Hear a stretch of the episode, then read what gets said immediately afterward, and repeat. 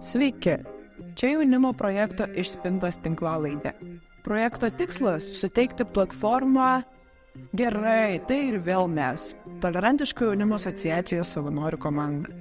Jei paspaudė play, turime vilties, kad gal neatsitiktinai, jau pažįstamus.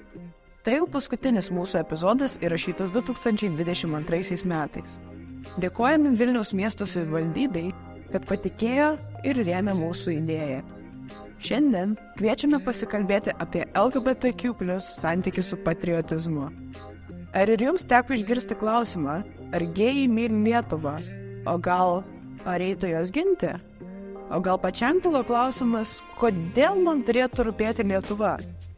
Pirmoje epizodo dalyje išgirsite pokalbį su sociologu Ivan Trunov apie tai, kas lemia konfliktą tarp buvimo LGBTQ plus asmenių ir santykio su savo valstybe, bei ką prarandame dėl siauros patrioto savokos. Kita mūsų pašnekovė, jaunoji politologė Fausta Roznytė pasakos apie tai, kokią įtaką šiam santykiui daro ekonominiai faktoriai ir pasidalins, kodėl skirtingoms visuomenėms grupėms svarbu palaikyti viena kitą. Tai sveiki, Ivanai, galiu taip kreiptis? Jo. Tai nežinau, galbūt iš pradžių galėtume šiek tiek um, prisistatyti, kaip tau patogiau save įvardinti. Jo, tai visur kažkaip labai uh, bandau save pozicionuoti kaip sociologu, nes man labai svarbi ta kažkokia tokia disciplininė profesinė tapatybė, einant, uh, žvelgiant į kažkokius socialinius reiškinius labai kritiškai. Man tai labai patinka, su manim tiesiog labai rezonuoja, tai dėl to labai patinka tai akcentuoti. Tai pats dabar magistratūrą sociologiją studijuoju Vilnius universitete ir dirbu Nacionaliniam socialinės integracijos institute, koordinuoju gyvos bibliotekos programą, tai kovoju su stereotipai, su stereotipais praktikoje ir teorijoje. Taip, su sociologija gyvenu Vilniui. Nežinau, kaip, kaip sociologija atėjo į tavo gyvenimą, kaip, kodėl nusprendži būtent šitą sritį pasirinkti. Ar buvo kažkokie konkretus klausimai, kurie domino, ar tiesiog pats, pats nežinau, sociologijos dovanojamas požiūris į pasaulį? Mm. Tai iš tikrųjų dabar uh, turėjau tokią vieną studijų dalyką, kur um, mokėmės tokių ref, refleksyvios sociologijos. Ir vienas iš tų minčių uh, kažkaip uh, žiūrėti į save, patį save ir bandyti analizuoti, kaip tavo tam tikros nuostatos, tavo kažkokios pasąmoningos tos vertybės susiformavo. Tai ir bandau į save žiūrėti taip kažkaip refleksyviai ir galvoti, kad, nu, iš tikrųjų, aš uh, gimiau šeimoje, kurie labai kritikavo esamą tvarką Rusijoje. Nes uh, gimiau Rusijoje, augau Rusijoje ir mano šeima labai daug kritikavo uh, esamą aplinką, labai nepatiko Maskvai gyventi, labai kritikavo ir režimą ir taip toliau. Ir taip aš užaugau su tą kažkokią, uh, su to kritiškai vertinančio aplinką kontekstu. Ir taip pat um, teko biškai pakeliauti um, su, su tėvais, kai bandėme migruoti iš Rusijos. Tai gyvenau Rusijos kaime, kur gyvenimas labai, labai kitaip atrodo nei uh, Maskvos priemestėje. Taip pat gyvenau keliose valstybėse Europoje. Ir irgi taip keliaujant visada galvojau, tai, tai kodėlgi dalykai skiriasi, kodėlgi vienoje vietoje yra kitaip, kitur visiškai kitaip? Ir taip pat skiriasi žmogaus mąstymas. Tai dėl to kažkaip mane labai domina tai, kaip žmonės galvoja, kaip, kaip tie dalykai susiformuoja. Ir kodėl, tarkim, Rusijoje e, žmonės taip vieni kitais nepasitikė, e, kodėl, kodėl vis tiek patinka tas Putinas ir kodėl yra toks, nežinau, kažkokio caro kompleksas, um, kodėl, nežinau, kažkur, kažkur, kažkokiuose socialdemokratiškose valstybėse Europoje e, kitaip yra labai stiprus pasitikėjimas vieni kitais, e, veikia labai um, stiprios kažkokios biurokratinės, uh, racionaliai um, su, sustruktūruotos uh, institucijos ir žmonės dalyvauja juose, pasitikė jais, vietoj to, kad daryti dalykus tik tai per korupciją ir pažintis. Ir kažkaip man labai įdomu visą tai žiūrėti, kaip, kaip ta visa žmonių praktika, tas, tas so, socialinė praktika susijęs su tuo, kaip žmonės galvoja, kaip tas mąstymas iš kažkur atsirado ir, ir taip toliau. Tai kažkaip ir, sakyčiau, būtent per savo asmeninį patirtį, taip ir susiformavo tas domėjimasis to, tas dėmesės atkreipimas būtent tai kažkokius tokius aspektus, kažkokius galios santykius, e, žmonių mąstymus, ideologijas e, ir taip toliau. Kiek tu metų gyveni Lietuvoje, pavyzdžiui? Lietuvoje septynius. Ir tavo paties e, toks, nežinau, tavo santykis, va, pavyzdžiui, kai dabar kalbame apie patriotizmą ir, aišku, dabar um, Vat įdomi labai situacija, kad mes kalbame, nes yra Rusijoje situacija dėl Ukrainos ir yra Lietuvoje toks didžiulis pakilimas patriotizmo dėl to, kas vyksta Ukrainoje. Koks tavo paties santykis kaip žmogaus su patriotizmu? Iš tikrųjų, tai kaip minėjau, užaugau toj kažkokioje tokioje aplinkoje, kur tikrai nemačiau, kad e, valstybė yra bent kažką man vertingo. Tai, tai tiesiog kažkoks opriesinis toks mechanizmas, kuris egzistuoja, kad mane nuskriausti, padaryti mane nelaisvu ir visai kitaip daryti mano gyvenimą, kuo įmanoma sunkesnių ir sukelti man tiesiog daugiau uh, kančios. E, o iš tikrųjų šita situacija dabar ka, karo Ukrainos uh, akivaizdoje labai paskatino mane taip pergalvoti tą santykį su ir uh, tokį su valstybėmis, kuriam, kuriuose aš gyvenu iš tikrųjų gyvenant čia Lietuvoje, aš galvoju, mes čia turime labai vertingus dalykus ir verta juos apsaugoti. Tai ir savo bendramžių rate irgi matau tokius e, suintensyvėjusius, nu, patriotizmą tikrai daugiau. Ta, ir tokio um, noro uh, suprasti, kad nu, mes čia turime kažko, ko verta saugoti ir dėl to yra verta ir kovoti, ir aukoti, Ir, ir iš tikrųjų manau, kad jeigu ka, kažka, kažkokia um, tiesioginis karas ateis iki Lietuvos, aš manyčiau, aš norėčiau, nu, kaip ir parašyti konstitucijos, kad, konstitucijoje, kad vienintelė piliečių Lietuvoje pareiga yra ginti valstybę, tai manau, aš norėčiau irgi uh, apginti ir, ir, nu, ir ką, ką mes čia bendrai turime. Tai manau, tikrai iš tos pusės kažkaip mano pačio patriotizmo tikrai padaugėjo. Tai ir būtent Lietuvoje.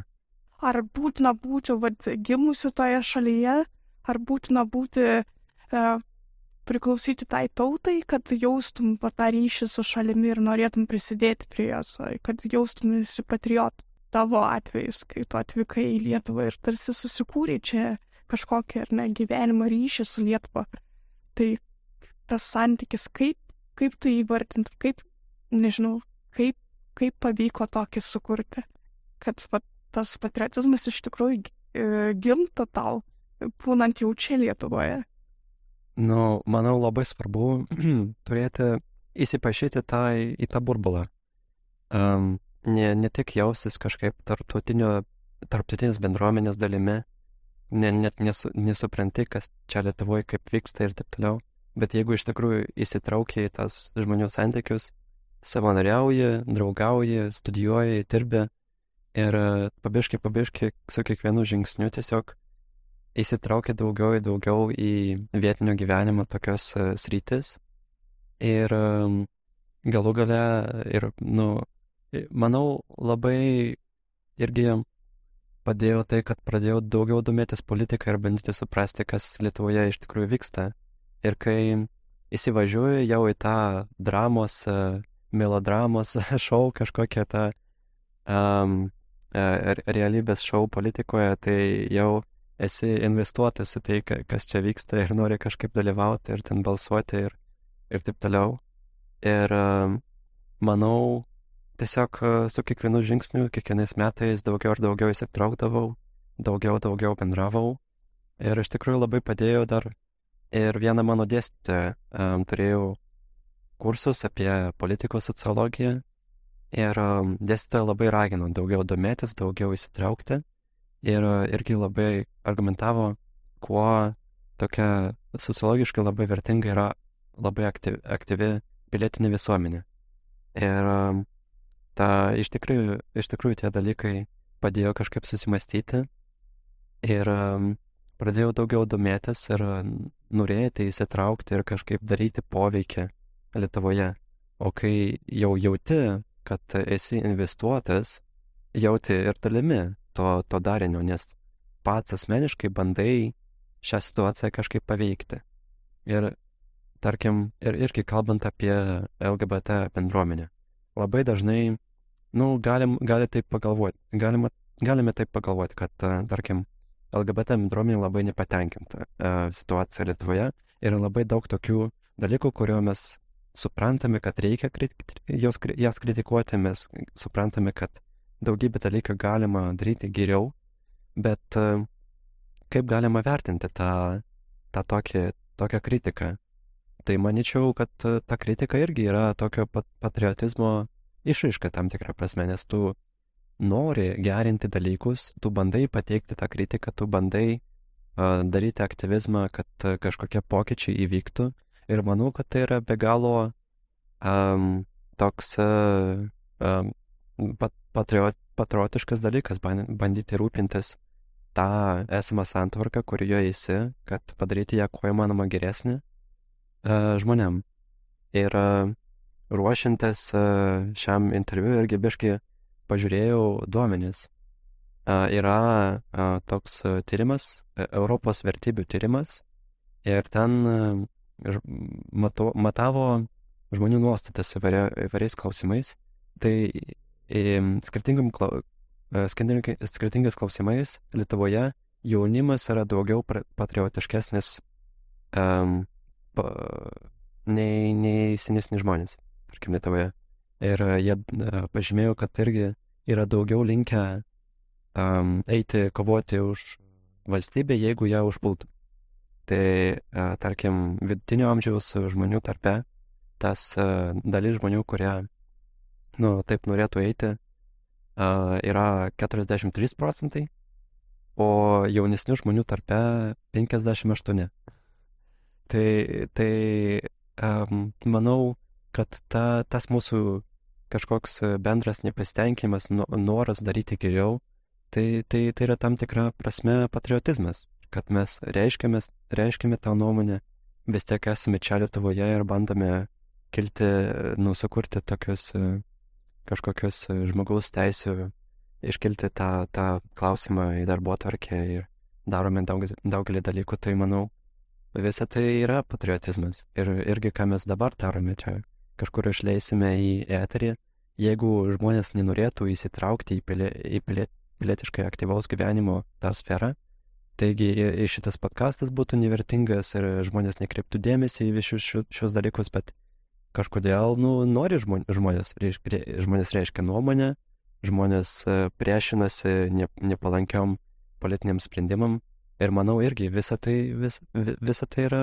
patriotizmas tu paminėjai iš tikrųjų labai svarbu aspektą, nes dažnai atrodo, kad net jau Lietuvoje yra tas tokia idėja, kad jeigu tu kritikuoji savo valstybę, tai, tai tada važiuok iš čia, kas tau čia nepatinka. Ir ypač žmogaus teisų aktyvistai, kai jie kalba, tarkim, rašo skundus, kalbasi su um, tarptautinėmis organizacijomis, ES institucijomis apie tai, kas vyksta Lietuvoje, kad situacija um, nežymiai gerėja arba kai kuriais atvejais sunkėja ir, ir atrodo, kad uh, juos būtent dėl to kritikuoja, kad, kad uh, kalba apie Lietuvą blogai ir mm. kritikuoja. Ir tas aspektas yra, kaip, bet tu pabrėži, kad, žmogu, kad iš tikrųjų žmonės turi netgi tam tikrą atsakomybę kalbėti apie problemus savo valstybėje. Tai kaip čia dabar tam, nežinau, bet rasti tokį, nežinau, galbūt reikėtų kalbėti apie nau, naują kažkokį modernesnį apibrėžimą patriotizmo, nes paprastai mes jį suvokime kaip meilį ir puoselėjimą savo valstybę, bet, bet iš kitos pusės tas tokių negerovių pabrėžimas yra svarbus, bet, mm. bet žmonės kažkaip labai skaudinasi dėl to ir tada mm. tau klyjuoja išdaviko etiketę.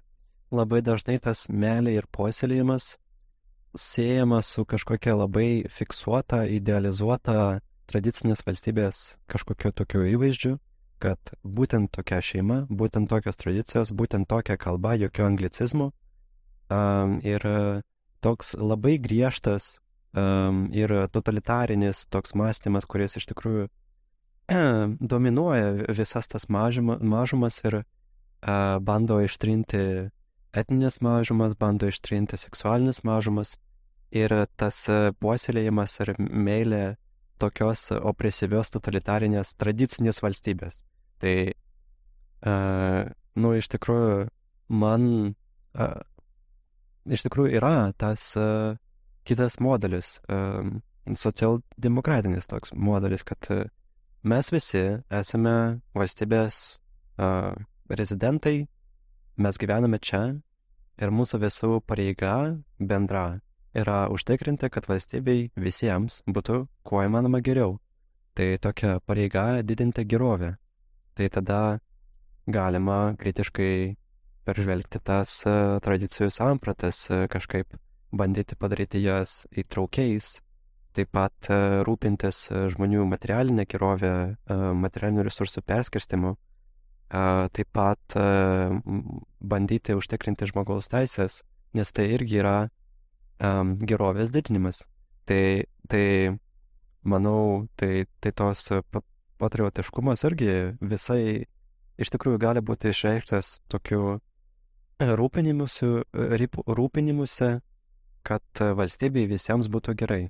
Ir iš tikrųjų, jeigu a, a, būtų priimtina, iš tikrųjų, didinti, racionaliai didinti tą gerovę, tai toks, tokia politinė darbo atvarkė atitinka žmogaus teisų agendą tokia.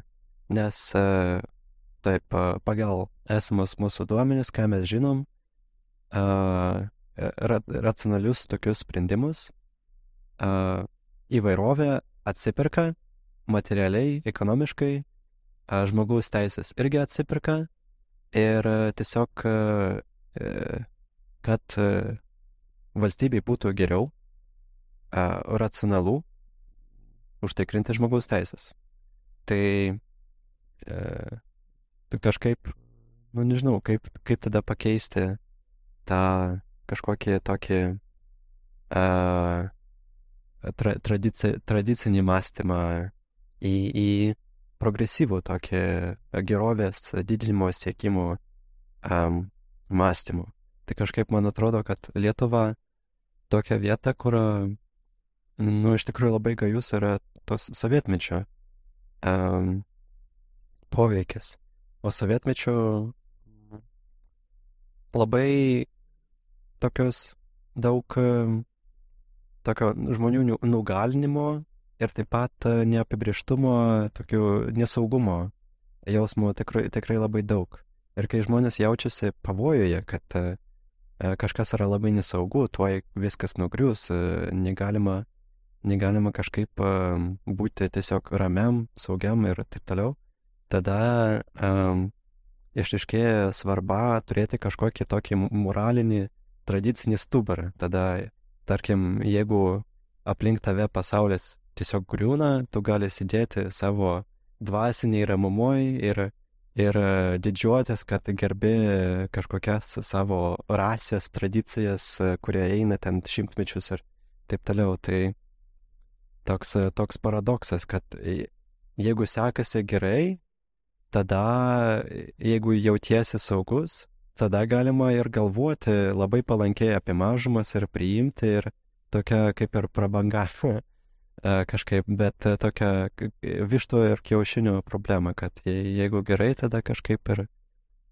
jeigu sekasi gerai, tada gali ir atsipalaiduoti ir ten ir nenekentėti tas mažas. Bet jeigu tas... Bet manau, kad Lietuvoje yra daug tokio istorinio, tokio nesaugumo jausmo. Pažvelgus iš galbūt dabar jau LGBT bendruomenės perspektyvos, kaip tu vertintum, ar LGBT žmonės Lietuvoje yra patriotiški, ar jiems rūpi tas klausimas, ar čia labiau galbūt toks bendras, bendra, bendra nuotaika valstybė yra, kad patriotizmas yra svarbus Lietuvai, bet jie per daug nesuka galvos, koks jų santykis su jie. Na, iš tikrųjų, aš manyčiau, kad uh, um, LGBT bendruomenė Lietuvoje iš tikrųjų yra gana, gana patriotiška. Tai tarkim, jeigu jeigu mes suprantame tą patriotizmą kaip e, teigiamą atsiliepimą apie esamą tvarką, bandymas ją apsisaugoti ir puoselėti toliau. Tai ką, ką LGBT bendruomenė Lietuvoje mano apie demokratiją? Tikriausiai mano labai gerai. Tai ir nori, kad ta demokratija būtų kuo įmanoma socialiai atsakinga ir taip toliau. Ir ir panašiai, tai manau, kad e, tai yra toks e, e, patriotizmo išaiška. Ir taip pat darant biški, tyrinėjant mokslinį literatūrą prieš čia ateinant, aš aptikau tokią terminą kaip homonacionalizmas, kad iš tikrųjų um, vakarų valstybėse ir ypač JAV um, ir Kanadoje, tarkim, ten, kur jau um, politinė, politinis konsensusas yra LGBT bendruomenės palaikymas daugiau. Ir uh, tenais uh, gali būti politinės iniciatyvos, kurie rekrutuoja tą tokį uh, LGBT bendruomenę, kad palaikyti nacionalinę uh, konservatyvę um, politinė linija, tarkim, a, galvojimas apie migrantus kaip labai neprogresyvius žmonės, o mes čia, va, insert name vakarų valstybė X, a, mes esame labai progresyvus, todėl nevertėtų priimti pabėgėlius, nes jie sugriautų mūsų žmogaus teisės.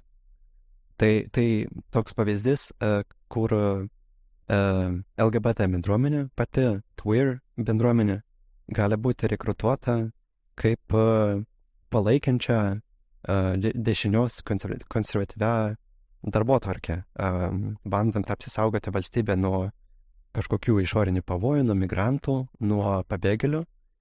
Ir iš tikrųjų tą patį galime matyti ir jau, jau įvykusio Lietuvoje. Tarkim,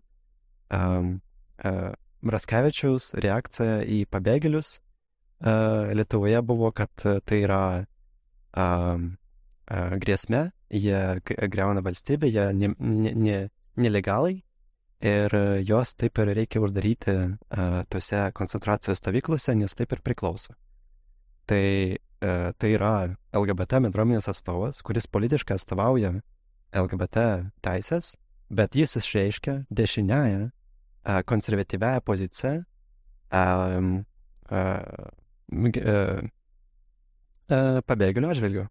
Tai iš tikrųjų pa patriotizmas ir LGBT bendruomenė tai nėra jokios, jokio prieštaravimo tarp šitų dviejų dalykų. Tai ir LGBT bendruomenė pati gali turėti labai patriotinių nuostatų, tai manau tikrai Lietuvoje turi, nes LGBT bendruomenė labai progresyvi. Ir manau, Lietuvoje progresyvumas tai reiškia palaikymas demokratinių procesų, piliet, piliet, pilietiškų, pilietinės visuomenės ir, ir bandymas taip gerinti tą, tą demokratiją, apsaugoti demokratiją nuo, nuo kažkokių totalitarinių valstybių kaip Baltarusija, Rusija ir kažkokių tokių um, įtakų politi, nacionaliniam saugumui. Tai iš tikrųjų labai daug tų um, priemonių, kaip bandoma apsaugoti Lietuvos politinį nacionalinį saugumą, iš tikrųjų manau, kad LGBT bendruomenė tikrai sutiktų su tom priemonėm. Tarkim, kova su um, propaganda iš Rusijos. Kas Lietuvos, Lietuvos LGBT bendruomenės tarpe prieštarautų, kad Lietuva gintųsi nuo Rusijos propagandos. Bet tai yra grinai ir ir yra ta patriotizmas, kad gini valstybę nuo uh, iš, išorinių pavojų. Tai manau, um, būnant, būnant valstybės viduje, jo, gali atkreipti dėmesį į tas probleminis aspektus, bet bendrai paėmant, tikrai manau, kad LGBT bendruomenė labai norėtų apsaugoti valstybę ir būti patriotiškiams jos atžvilgiu. Čia yra labai įdomus posūkis iš tikrųjų, nes paprastai, kai Lietuvoje kalbame apie patriotizmą ir LGBT santykį, tai LGBT žmonės tiesiog atrodo, kad yra, kaž, yra suvokiami dažnai kaip grėsmė tos bet, dešinės pusės, ypač tų vadinamųjų radikalų, nes aš prisimenu, kai aš daugiau ieškojau informacijos lietuvių kalba šitą temą, tai iš tikrųjų daugiausiai video medžiagos radau iš propatrijos. Iš tikrųjų, YouTube kanalo ten nuolat kalbama, kad neomarksizmas yra LGBT bendruomenė ir kad tai yra pavojus Lietuvai, kad tai yra svetima. Iš tikrųjų, daugeliu atžvilgiu atrodo, kad apie LGBT bendruomenę yra kalbama kaip apie kažkokią svetimybę. Ir man įdomu, ar tau teko domėtis daugiau, kodėl tai susiformavo. Visų pirma, yra kažkoks toks uh, moralinės valstybės uh, įvaizdis. Prasme, kad uh, kai mes turime nacionalinę valstybę, mes norime, kad joje žmonės būtų maždaug on the same page apie moralinės vertybės. Tai mes norime, kad žmonės nevoktų, žmonės a, ne, ne, nemeluotų vieni kitiems, ta prasme, kad, kad jie gerbtų tas tvarkas, kurie e, egzistuoja. Ir a, manau, kad a, iš tam tikro požiūrio a, matoma LGBT bendruomenė kaip moralinė pavo, moralinis pavojus tam tikrai a, reprodukciniai kultūrai, ta šeiminiai kultūrai tai yra matoma kaip pavojus tam tikrai šeiminiai reprodukciniai tvarkai.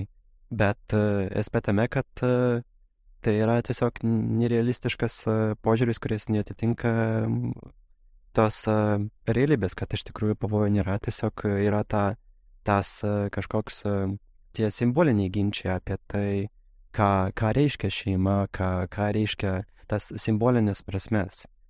Ir e, viena vertus yra žmonės, kuriems svarbu tam tikra samprata, tam tikra moralinė, moralinės visatos e, kažkokia ta ideologinė sistema.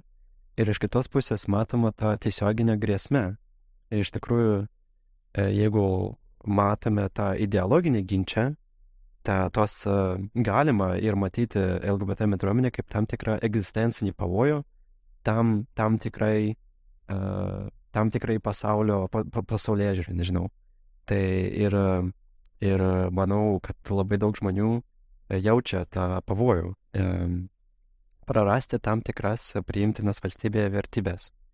Bet apie e, praktinius santykius ir apie e, situaciją Lietuvoje, nu, nu tikrai nu, niekos, niekas nepasikeis, um, jeigu priims tą um, lyčiai neutralią partnerystės įstatymą. Tai prasme, visi tiesiog gyvena taip ir kaip dabar gyvena, nes egzistuoja tas kultūrinis normos, kurią naudoja visi žmonės.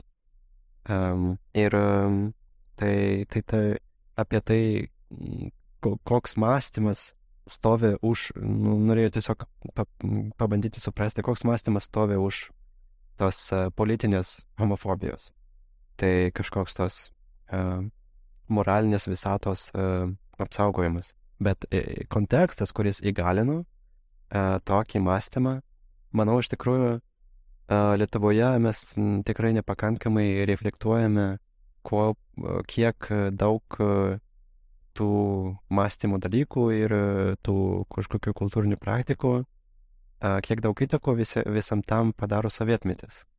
Ir sovietmetį um, buvo toks labai sisteminis LGBT ištrinimas.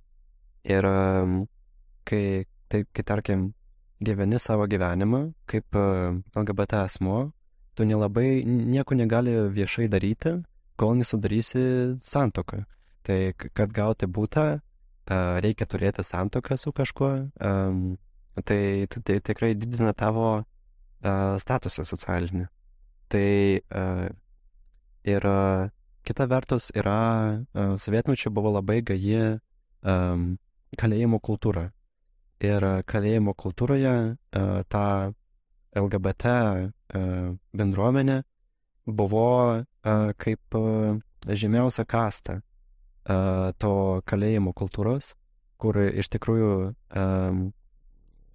vis, visi tie jokeliai, humoras homofobiškas paremtas būtent tą kalėjimo kultūrą.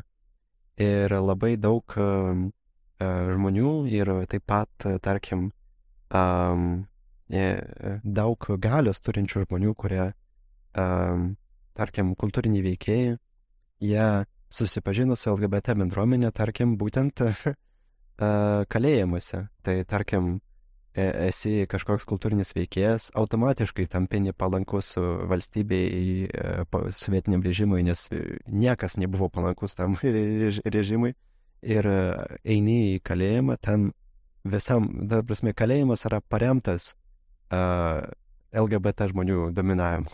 Tai, tai ta, visi jokeliai apie ten um, uh, homofobiniai jokeliai ir uh, taip pat ten, nežinau, um, jeigu nori kažką sužeminti, ten uh, tai reiškia um, uh, darai taip, kad jie tau seksualinės paslaugos suteiktų ir taip toliau. Ir, ir iš to ir sužinojo, o, tai, tai štai kas yra LGBT bendruomenė. Ir iš tikrųjų tas kalėjimo mąstymas buvo tiesiog pritaikytas ir taip, kaip žmoniai, žmonės bendrai mąstė apie LGBT bendruomenę. Tai viena vertus yra tas e, homofobinis mąstymas, kita vertus yra e, visiška, visiškas neturėjimas galimybės e, viešai egzistuoti kaip LGBT pora. Tiesiog nebuvo materialiai, sistemiškai, vis, visais būdais buvo padaryta, kad buvimas LGBT asmenių yra kažkas, ką tu gali daryti tik tai savo mėgamajam, visur kitur tai yra visiškai smerktinas dalykas, kurį vienintelį geriausią dalyką, apie kurį tu gali daryti, tiesiog nuslėpti. Um, ir kad niekas nežinotų. Ir, ir iš, iš būtent to sovietinio konteksto mes Lietuvoje ir išeiname. Ir ta, tas pats tas pats mąstymas yra um, kažkoks, nu, labai daug paralelių yra visoje um, po, po komunistinėje erdvėje. Įdomu iš tikrųjų yra, nes tu paminėjai tą istorijos svarbą, kadangi sovietmečio LGBT žmonės buvo ištrinti iš visuomenės ir turėjo gyventi tą dvigubą gyvenimą, kaip tu paminėjai dabar iš tikrųjų LGBT žmonės Lietuvoje susiduria su tuo faktu, kad jiems reikia įrodyti, jog jie čia visada buvo. Nes dažnai kyla tas klausimas, tai kada, kad, e, kada, kada pasirodė, iš kur jie atėjo. Ir tada yra tas stereotipas, kad LGBT žmonės yra tiesiog mada ir viskas. E, ar tu matai Lietuvoje kažkokių galimybių ar pavyzdžių, kaip e, LGBT žmonės galėtų ateiti į tą istoriją, sugrįžti iš tikrųjų reikia tiesiog tą, tos queer žmonės parodyti. Tai, nu, skamba labai taip paprastai, bet, um, nu, būtų labai fainai, jeigu, tarkim, dabar visi esantis uh, ten, uh, nežinau, to eli, elito matomi kažkokie žmonės, ten grybauskaitė, um, išeitų iš spintos arba, arba kiti um, tokie visuomeniai matomi, um, taip, nežinau, girdimi, matomi, klausomi žmonės iš tikrųjų pasakytų, nu, tie, tie iš jų, kurie yra LGBT uh, žmonės, kad jie pasakytų, kad yra. Ir tai, manau, būtų labai, labai toks geras dalykas um, Elžbieta, uh, palauk, ak aktorė, uh, dabar išėjo iš spintos. Elžbieta. Taip. Jo, tai štai, štai ką reikia daryti. Daugiau. ir, ir manau, tai žiauriai geras dalykas. Kitas, kitas dalykas - atrasti istorijoje tos duomenys, kurie kažkaip parodytų, štai va, štai va, kas buvo tas queer. Bet, uh, nu jo, ne, nežinau, čia, čia, man atrodo, daugiau istorinė mokslo tokia. ne, nežinau, kaip daryti tą uh, research, kad uh, atpažinti tas kažkokias istorinės asmenybės, kad klaiminti, kad jie iš tikrųjų štai buvo queer žmogus uh, Lietuvos istorijoje. Tai nežinau šitą vietą, bet uh, man atrodo, uh, kalbant apie um, žmogaus teisės um, ir kažkokius teigiamus pokyčius Lietuvoje, kartas nuo karto tiesiog nuolat kalbama, kad trūksta politinės lyderystės. Trūksta politinės lyderystės. Taip toliau ir pana, panašiai, bet uh, iš tikrųjų, iš kur ateina tas kažkoks kontekstas, kuris uh, sukūrė tokią situaciją, kur trūksta politinės lyderystės. Man atrodo, tai yra tokia aplinka, kur žmonės yra žiauriai nesaugus ir nerimastingi apie viską. Tai, uh, tarkim, uh, net jeigu žmonės palankių pažiūrų LGBT bendruomenės atžvilgių, visada pagalvoja ten, ką kaimynas galvoja. Bet iš tikrųjų, kuo tai yra, kodėl tai yra iš vis vertinga. Kad uh, kodėl bijai, kodėl bijai kitų žmonių, kodėl bijai atsiskleisti, kodėl, kodėl um, tau neramu. Nes iš tikrųjų uh, yra, yra būdų uh, kažkaip, nu, uh, būdų sukurti tą kažkokį uh, saugumą ir iš to saugumo, saugumo būsenos tada jau autentiškai būti savimi ir nebijoti kažkaip atsiskleisti ir per praktinius pavyzdžius uh, demistifikuoti tą homofobinį mąstymą, kad uh, čia kažkokie blogi žmonės darantis blogi, blogius dalykus. Tai jeigu mes uh, sugebėtume viešai parodyti, kad štai yra tiesiog žmonės, kurie tiesiog daro tiesiog žmoniškus dalykus ir kurie niekaip neskiriasi, jie ir dabar čia yra ir visada buvo, ir jie nieko neskiriasi, nesiskiria ir, ir e, iš tikrųjų visas tas uh, moralinis ginčas apie kieno, valsty, kieno, kieno šeima, kokios vertybės, iš tikrųjų tai yra besides the point absoliučiai. Uh, ir manau, iš tikrųjų galima visą tai parodyti ir demistifikuoti, nes tai buvo padaryta vakaruose. Bet manau, Lietuvoje tiesiog ir kalbant su, kadangi vis tiek esu tarptautinės žmonių bendruomenės darimi ir bendrauju ir tarptautiniais studentais, ir su kitais migrantais, ir iš vakarų, kurie yra čia Lietuvoje, žmonės pastebi, kad Lietuvoje žmonės žiauriai daug nerimauja. Dėl tiesiog visko, tiesiog to, to kažkokio uh, nesaugumo jausmo žiauriai daug. Ir uh, manau, tai ateina iš, iš to posovietinio konteksto, to sovietinio kažkokio sisteminio nugalinimo, a, a, nugalinimo ir, ir kad a, iš tikrųjų yra tos kažkokios kon, to konteksto priežastis, kodėl a, taip rūpi kaimynų nuomonė. Tai bet iš tikrųjų galbūt a, galime pasisemti kažkokiu tokiu vakarietiškų a, kažkokių kultūrinių dalykų, kad e, tiesiog e, svarbu tavo asmeninis autentiškumo, o kiti žmonės tiesiog can go fuck themselves. Ir, ir, ir galbūt, e, nu, ar iš tikrųjų ta kaimynų nuomonė tokia svarbi, galbūt, galbūt jeigu taip pažiūrėti, ar iš tikrųjų yra kažkoks ten tau pavojus, jeigu tu atsiskleisi ten savo kaimynų, jeigu atsiskleisi darbe. E, ar iš tikrųjų yra toks pavojus? Aš, aš labai, labai e, esu masinių coming outo šalininkas, kad jeigu kuo įmanoma daugiau mes galėtume pamatyti tą esamą įvairovę, tuo mažiau mes e, kolektyviai suprasime, kad stigmatizuoti ir marginalizuoti šios žmonės yra tiesiog beprasmiška.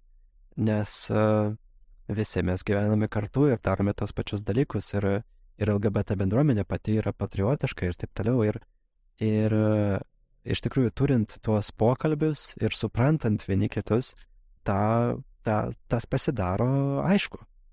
Ir tas fabrikuotas moralinis kažkoks ginčas praranda prasme ir iš to jau kažkokie, kažkokios politinės jėgos nebegalės gauti politinio kapitalo, kažkokio žmonių, žmonių pasitikėjimo tokio, um, kad uh, informuoti tą, uh, tos, nežinau, rinkėjo balsus per uh, uh, LGBT žmonių uh, opresiją.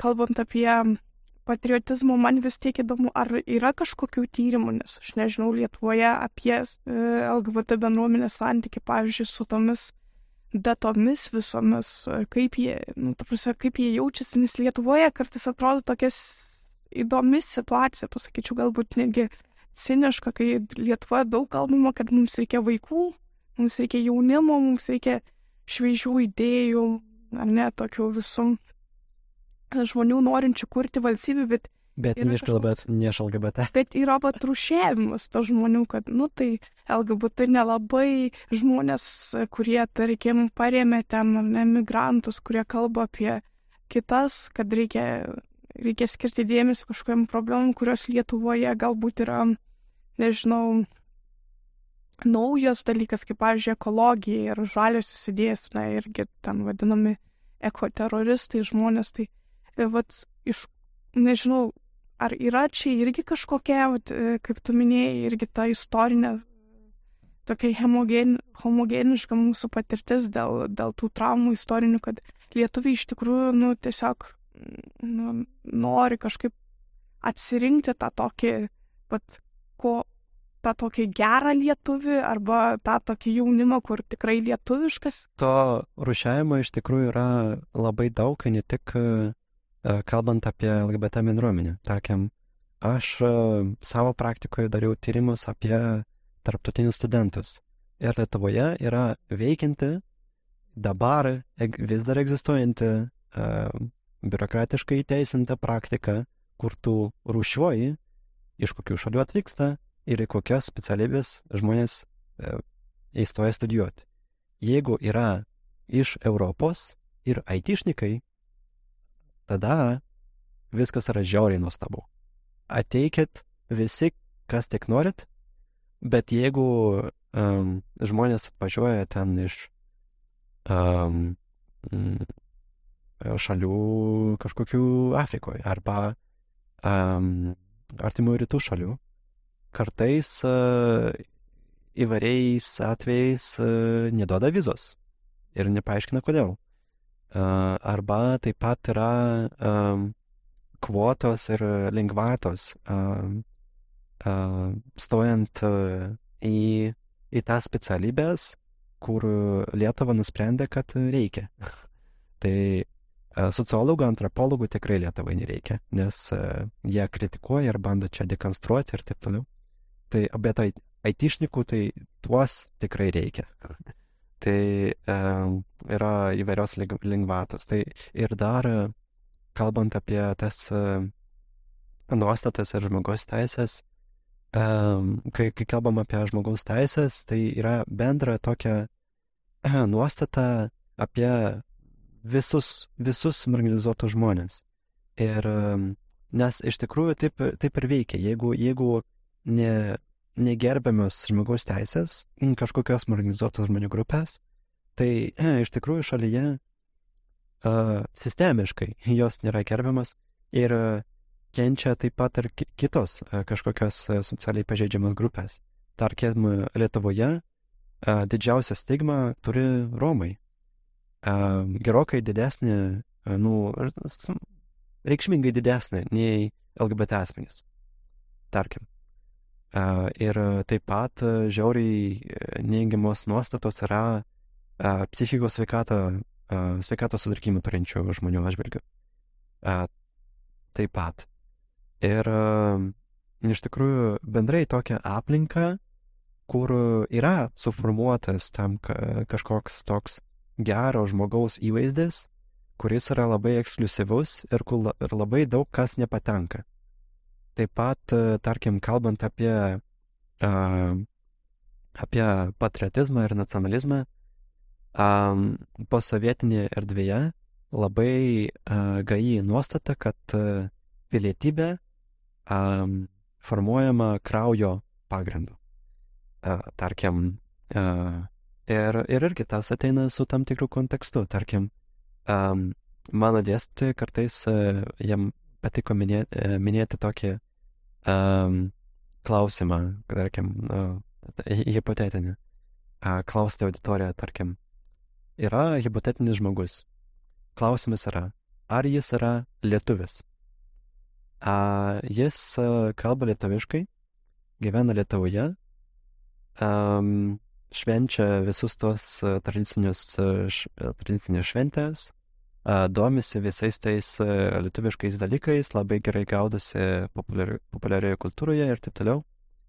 Bet jis yra juodavodis. Ir klausimas yra, ar jis yra lietuvis. Ir visada žmonėm iškyla abejonės, ar tikrai. Nes um, ir, ir tas, tas visas, uh, iš tikrųjų, kažkaip manyčiau, kad yra labai daug sąsajų su, su tais um, pažeidžiamų grupių diskriminuojančiais nuostatais tarpusavėje.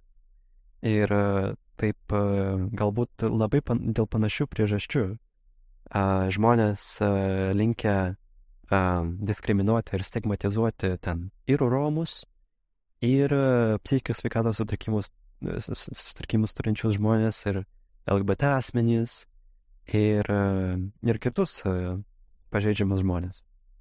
Tai, um, tai, tai manau, iš tikrųjų yra ta bendros, kaž, bendro kažkokio konteksto įtaka. Ir manau, um, irgi, um, nežinau, bet jaučiu tikrai čia irgi sovietmečio kontekstas labai, labai daug paveikia, nes irgi matome tuos panašumus ir kitose posovietinėse um, vietose apie mažumų diskriminavimą. Kadangi tu minėjai ne kartą mūsų pokalbio metu, kad LGBT bendruomenė yra patriotiška Lietuvoje, ir paminėjai porą pavyzdžių, kaip tai atsiskleidžia. Kaip tu manai, ką vis dėlto Lietuva galėtų e, gauti, ar ką jinai dabar praranda, kadangi jį kažkaip e, neįtraukė LGBT bendruomenės į tą savo bendrą e, valstybės įsivaizdavimą, ar ne, arba, tarkim, priešinami LGBT bendruomenę patriotizmui, tai ką mūsų patriotizmas praranda?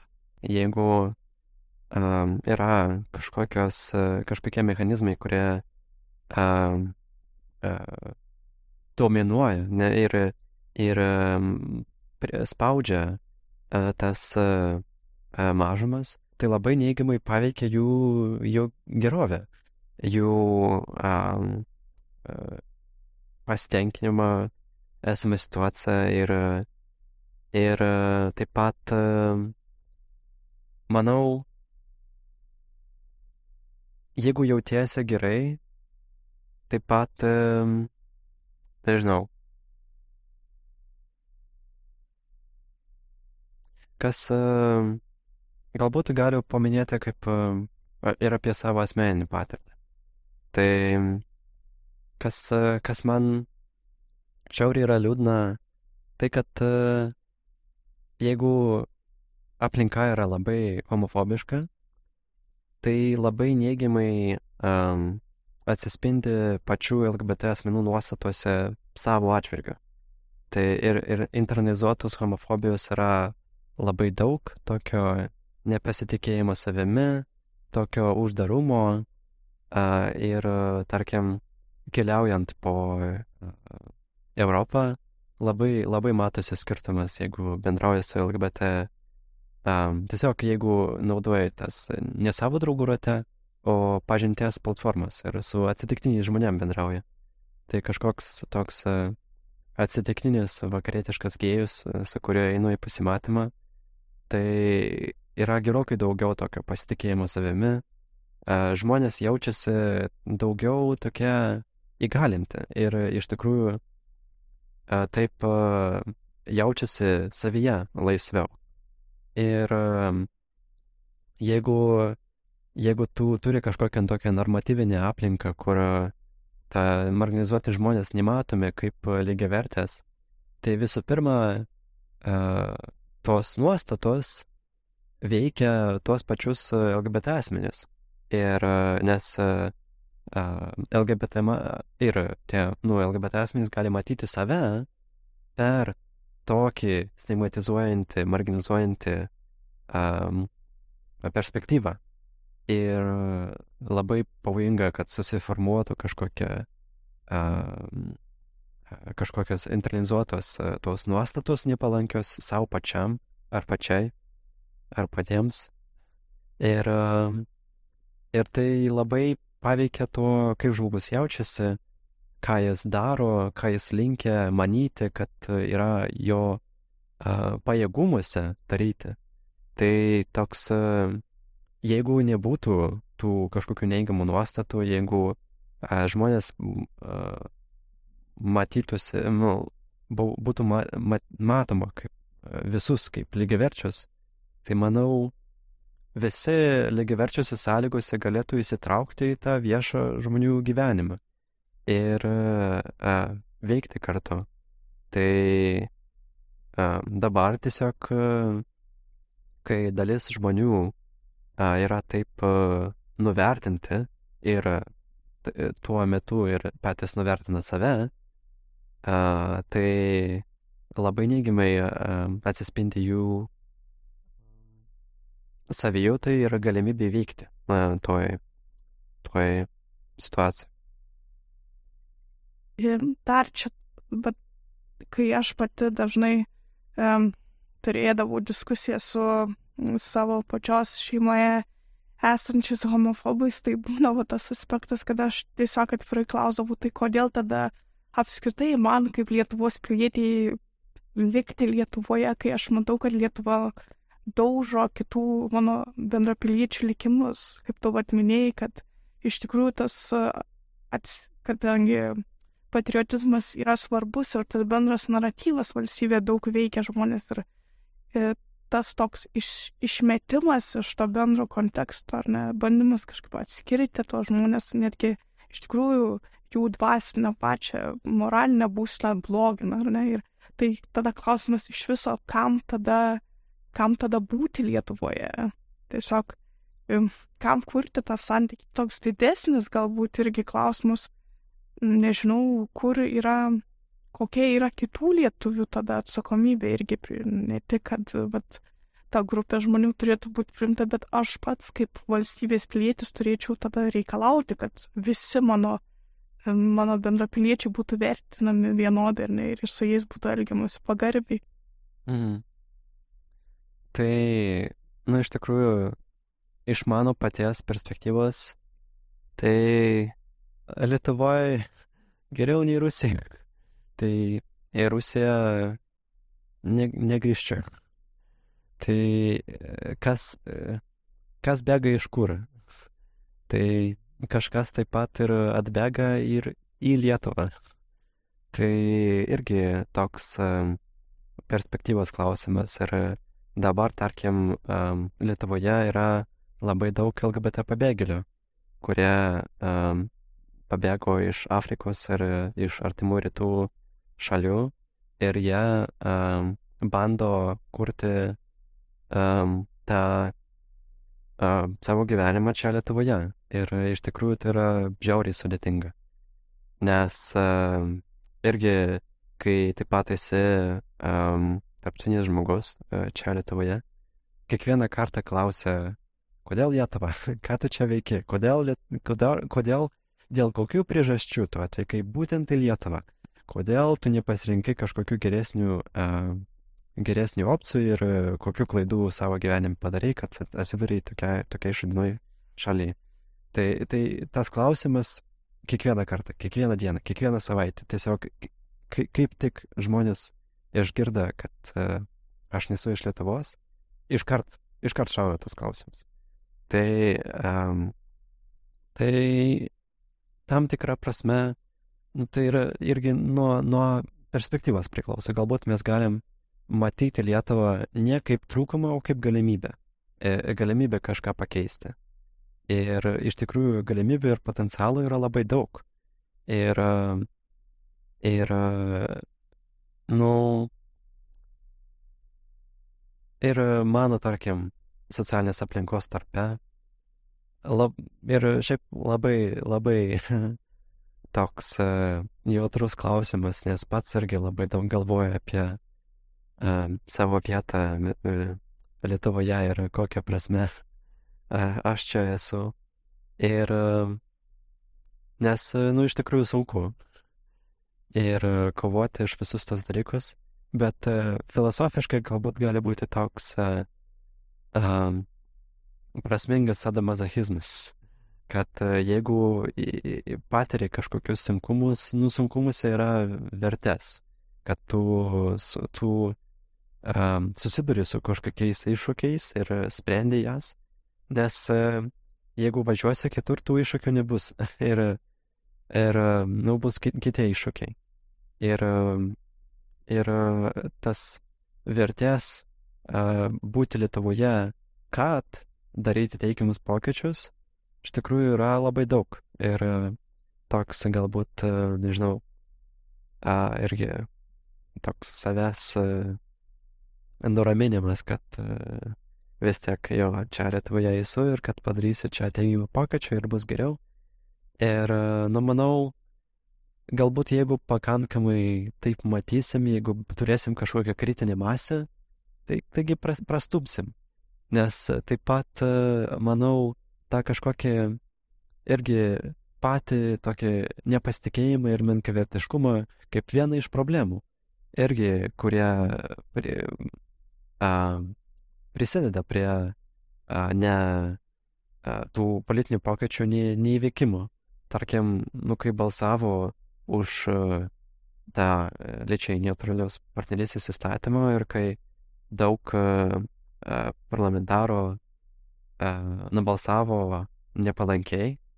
Taigi, kas, kas būtent buvo tuo, tų žmonių galvose, kokie, kokie, kokie, kokie skaičiavimai įvyko, ar jie bijojo, kad žmonės nepalaikys, galbūt kažkoks toks labai panašus į, o ką kaimynai pagalvos, jeigu aš ten paspausiu už maiktuką. tai ką apie pagalvos mano um, tą rinkiminę apygardą.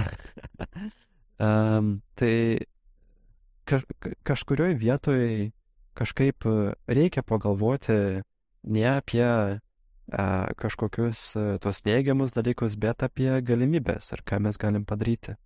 Nes a, iš tikrųjų galime. Ir, ir manau, a, yra, yra potencialo ir čia ir likti, ir daryti dalykus ir prastumti tuos pokyčius, nes ir jie patys iš savęs irgi nelabai kažkur pajudės. Šiaip paprastai Baltic Pride ir Pride Month metu yra labai daug dėmesio sulaukia tas faktas, kad daugelis kompanijų pakeičia e, savo spalvas, e, kažkokias viešas deklaracijas priemu, kad palaiko LGBT bendruomenę, ypač, nu, tai vakaruose jau tapo norma, pas mus dar galbūt labai nedrįsta daug kas, dažniausiai žiniasklaidos arba kažkokių kuriejų, kurie dirba e, asmeniškai, jiems, jiems yra lengviau, bet, e, bet paprastai yra klausimas, kiek ta pagalba, palaikymas LGBT bendruomeniai išlieka, o kiek tai yra tiesiog fenomenas, kuris geriau žinomas kaip pink capitalism. Ir man įdomu, kiek tau teko domėtis, ar iš tikrųjų šitas palaikymas nuveda į didesnius pokyčius, į tikrą palaikymą, ar tai yra tiesiog kažkokia irgi standartinė reklama pačiai e, įmoniai. Ir taip, ir ne. Iš tikrųjų, kai gyvenam tokiai kapitalistiniai santvarkoj, labai lengva iš karto galvoti ir, nu, man atrodo, taip iš tiesų yra, kad svarbiausias įmonės tiklas galų galiai yra pelnas ir labai lengva yra pasinaudoti ir važiuoti ir mes turėjom skandalą ar ne prieš dviejus dabar galvoju metus, kad buvo viskas tikrai labai atrodo sukomercinta, viskas padaryta tokia pompastiška ir ta idėja tarp spalvų, tarp uh, popierėlių, tarp lipdukų, intarytum paskendo truputėlį. Bet kita vertus, viešinimas, uh, prisidėjimas, jis yra vis tiek pagalba. Yra vis tiek, na, net gal pagalba nėra pats geriausias žodis, čia nereikia padėti, čia reikia tiesiog daryti, čia nėra, nu, kažkas, kam reikėtų suteikti pagalbą, čia tiesiog yra buvimas kartu, darimas to, kas, kas, kas, kas žmonės įgalintų ir, ir suteiktų daugiau teisų. Tai ir gerai, e, bet iš kitos pusės yra labai ta plona riba tarp grėsmės, kada jau gali peraukti tą labai labai aišku kažkokį su, sukurtą komercinį dalyką. Kita vertus, tas žmonių įgalinimas, na pavyzdžiui, jeigu mes ten grįšime į sufražisčių judėjimą, um, atrodo irgi kažkada kažkas nenorėjo sutikti moterim teisų balsuoti, bet tas palaikymas iš apačios ir tas drasus palaikymas, išėjimas į gatves ir nebijojimas pasakyti, kad taip, kaip yra dabar, yra negerai, jisai suteikia daugiau teisų ir mes galim gyventi taip, kaip gyvenam šiandien, kur atrodo dabar, hmm, nežinau, Irane tikriausiai moteris dėl ko turės kovoti iš naujo ir ten Afganistane ir kitose Azijos valstybėse. Tai, tai yra ir teigiamų, ir neigiamų dalykų. Aš manau, kad bet koks prisidėjimas, tai gali būti ir Facebook'o remelio pakeitimas, ar ten pavyzdžiui straipsnio parašymas, ar nuotraukos įsikelimas, jis jau leidžia asmeniui jausti saugiau. Na, nes tikrai yra nedrasu pasakyti, na, nedrasu dar per švelniai pasakyti, artimiem draugam, kad, kad tu, pavyzdžiui, priklausai LGBT bendruomeniai Ir kai tu matai, kad tavo aplinka yra pakankamai draugiška, ar net tas pats Facebook'o burbulas, kad jis yra pakankamai draugiškas, tai turi truputėlį saugiau. Ir dar ką galvoju, galvoju apie, apie ekologiją, aplinkosaugą, kad dabar mes labai dažnai, sakau, viską kreipiam į tokį materialistinį kažkokį tais į popierių, į informacijos pateikimą nebūtinai pačiu tvariausiu būdu. Tai galvoju, kad, pavyzdžiui, kaip mes galėtumėm sumažinti tą tokį kapitalizmą, tokį vakarų radikalų, nežinau, kur viskas pinigai, pinigai, pinigai ir truputį padėti pačiai žemė tuo pačiu, nes man atrodo, žmogaus teisės labai yra susijusios su aplinkosauga, klimato visa kaita. Tai tiesiog saugodami savo planetą, neiškeldami žmogaus virš visų kitų, uh, irgi galėtumėm atliepti tą pačią problemą. Nežinau, kodėl pirktis dabar uh, kokius rainbow uh, šitos, kaip būna, uh, nenspaudojo, kaip jie vadinasi, Nu, dažai žodžiu specialus. Šitą suprantate, apie ką gal. Na, kam jas pirkti, jeigu gali, žinau, tiesiog turėti kokį seną marškinėlius persikliuoti, persisiūti, persidaryti. Tiesiog, kad nereikia kažko pirkti ir ieškoti, galima panaudoti tai, ką turim ir bus visiems geriau. Įdomus vat, klausimas, nes tu minėjai sufražistas ir tai irgi grįžtame prie tada moterų teisų. Ir yra labai įdomus aspektas, kai mes kalbėjome su vienam tyrėja Viktorija Kolbešnikova, jinai minėjo tą faktą, kad e, Lietuvoje labai trūksta to, ką pavadintume mažumų istorija tikriausiai. Tai yra atskirų grupių istorija, yra bendras naratyvas ir daugelis žmonių. Ir yra grupių tam tikrų, kurios yra tarsi, um, tarsi nepatenka, jų nėra arba jos yra tiesiog ištrintos. Tai dažniausiai yra um, moterys, um, bet kairieji, pavyzdžiui, arba, arba šiuo atveju LGBT bendruomenė. Tai tavo nuomonė, kodėl taip nutinka ir ar tu galėtum skirti kažkokiu atveju iš Lietuvos istorijos, kada iš tikrųjų ta grupė buvo, galbūt iš tikrųjų mes negalime įvertinti dabar sažiningai e, jos indėlio į Lietuvos istoriją, nes, nes tiesiog per mažai žinome. Ir tai buvo padaryta apgalvotai. Aš sutinku, iš tikrųjų mes turim tų mažumų istorijos pakankamai mažai.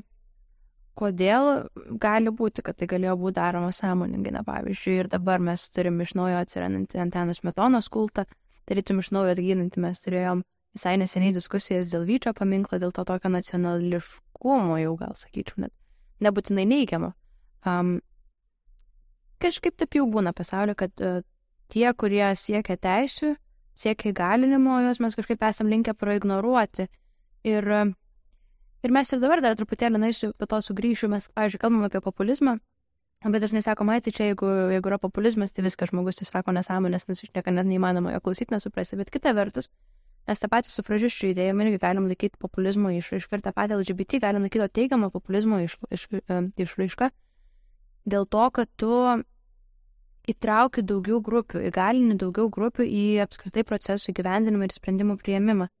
Um, populizmas tai iš esmės yra žmonių, žmonių valdymas, nežinau, ne, nenoriu skambėti kažkaip labai keistai irgi, bet tai yra apie kuo didesnį atstovavimą ir kuo didesnį jų traukimą, tai jis gali turėti ir tų teigiamų padarinių ir tų pasiekmių, tai kuo mes daugiau kalbėsim ir kuo mes tenksimės labiau tą istoriją parodyti ir tuos išbrauktus puslapius sugražinti į istorijos vadovėlius ir ne tik vadovėlius, galėsim matyti irgi turėti geresnį rezultatą. Kodėl, kodėl Lietuvoje e, tai iš viso vyksta, kad dalis grupių yra nelabai kartais atrodo, kad egzistuoja. Na, pavyzdžiui, kai kalbame apie LGBT bendruomenę, tai dažnai atrodo, kad žmonės nelabai vertina, jog gali būti ar ne LGBT žmogus, bet jis taip pat yra ir tremtinio giminaitis ir turi ne, partizaną savo šeimoje, bet jie kažkaip tarsi atskirai egzistuoja istorija. Aha, tokių istorijų mes neturim. Nu, tikriausiai yra nejauku vis dar pasakyti, yra baisu, nes atrodo, kad gali tave visuomenė pasmerkti, nesuprasti, mes dar nesam labai tolerantiški. Ir iškart pagalvoju apie pabėgėlių teisės, apie žmonės, kurie atvyko pas mus į Lietuvą, tai mes iškart juos nurašėme, sakėm, statysim sieną, mes statysim tvorą, mes neįleisime, čia didinsim gynybą, saugumą mes iškart atmetame, mes turim kažkokią atmetamą reakciją. Kai prasidėjo Rusijos invazija į Ukrainą, ukrainiečius mes priėmėm kitaip, tarytum artimesnė tauta, daugelis turi vad giminaičių, kur sakai, ten būna tremtiniai ir panašiai. Nežinau, kodėl taip yra su mūsų visuomenė, bet aš drįšiu teikti, kad ir žiniasklaida prisideda prie šitokios nuomonės formavimo labai stipriai, nes uh, nu, mes matome iš antraščių, vien, pavyzdžiui, kai buvo vertinamas uh, žmonių iš tolimesnių valstybių, iš rytų atvykimas į Lietuvą, kaip jie buvo iš tikrųjų demonizuojami ir kaip buvo prasidėjęs vietinė panika, kad čia ateis, susimaišys, užgrobs, viską sutryps, paliks ir išeis į Vokietiją ekonominės naudos ieškoti.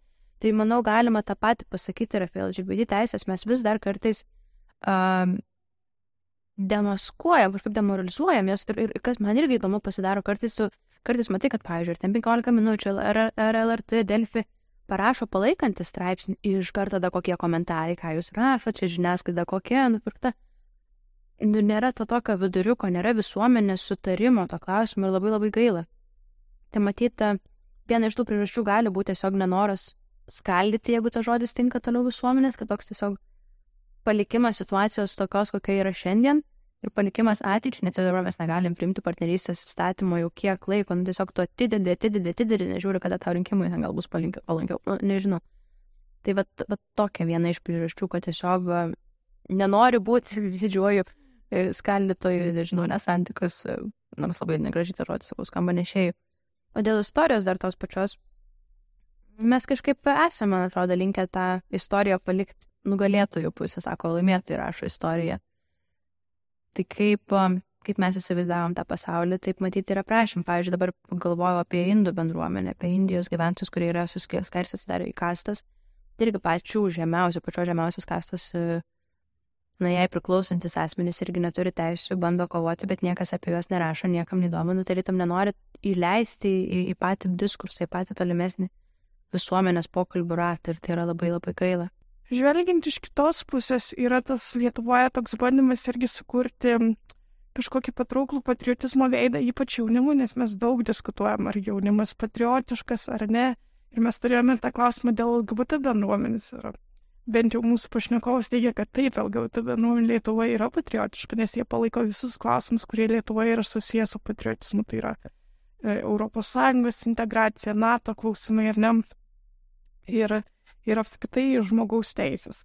Tai man įdomu, at, e, kalbant iš jauno žmogaus perspektyvos, kaip tu manai, um, ką Lietuva praranda, neintegruodama LGBT bendruomenės ir jai aktualių klausimų į savo, tarkim, tokį patriotizmo naratyvą.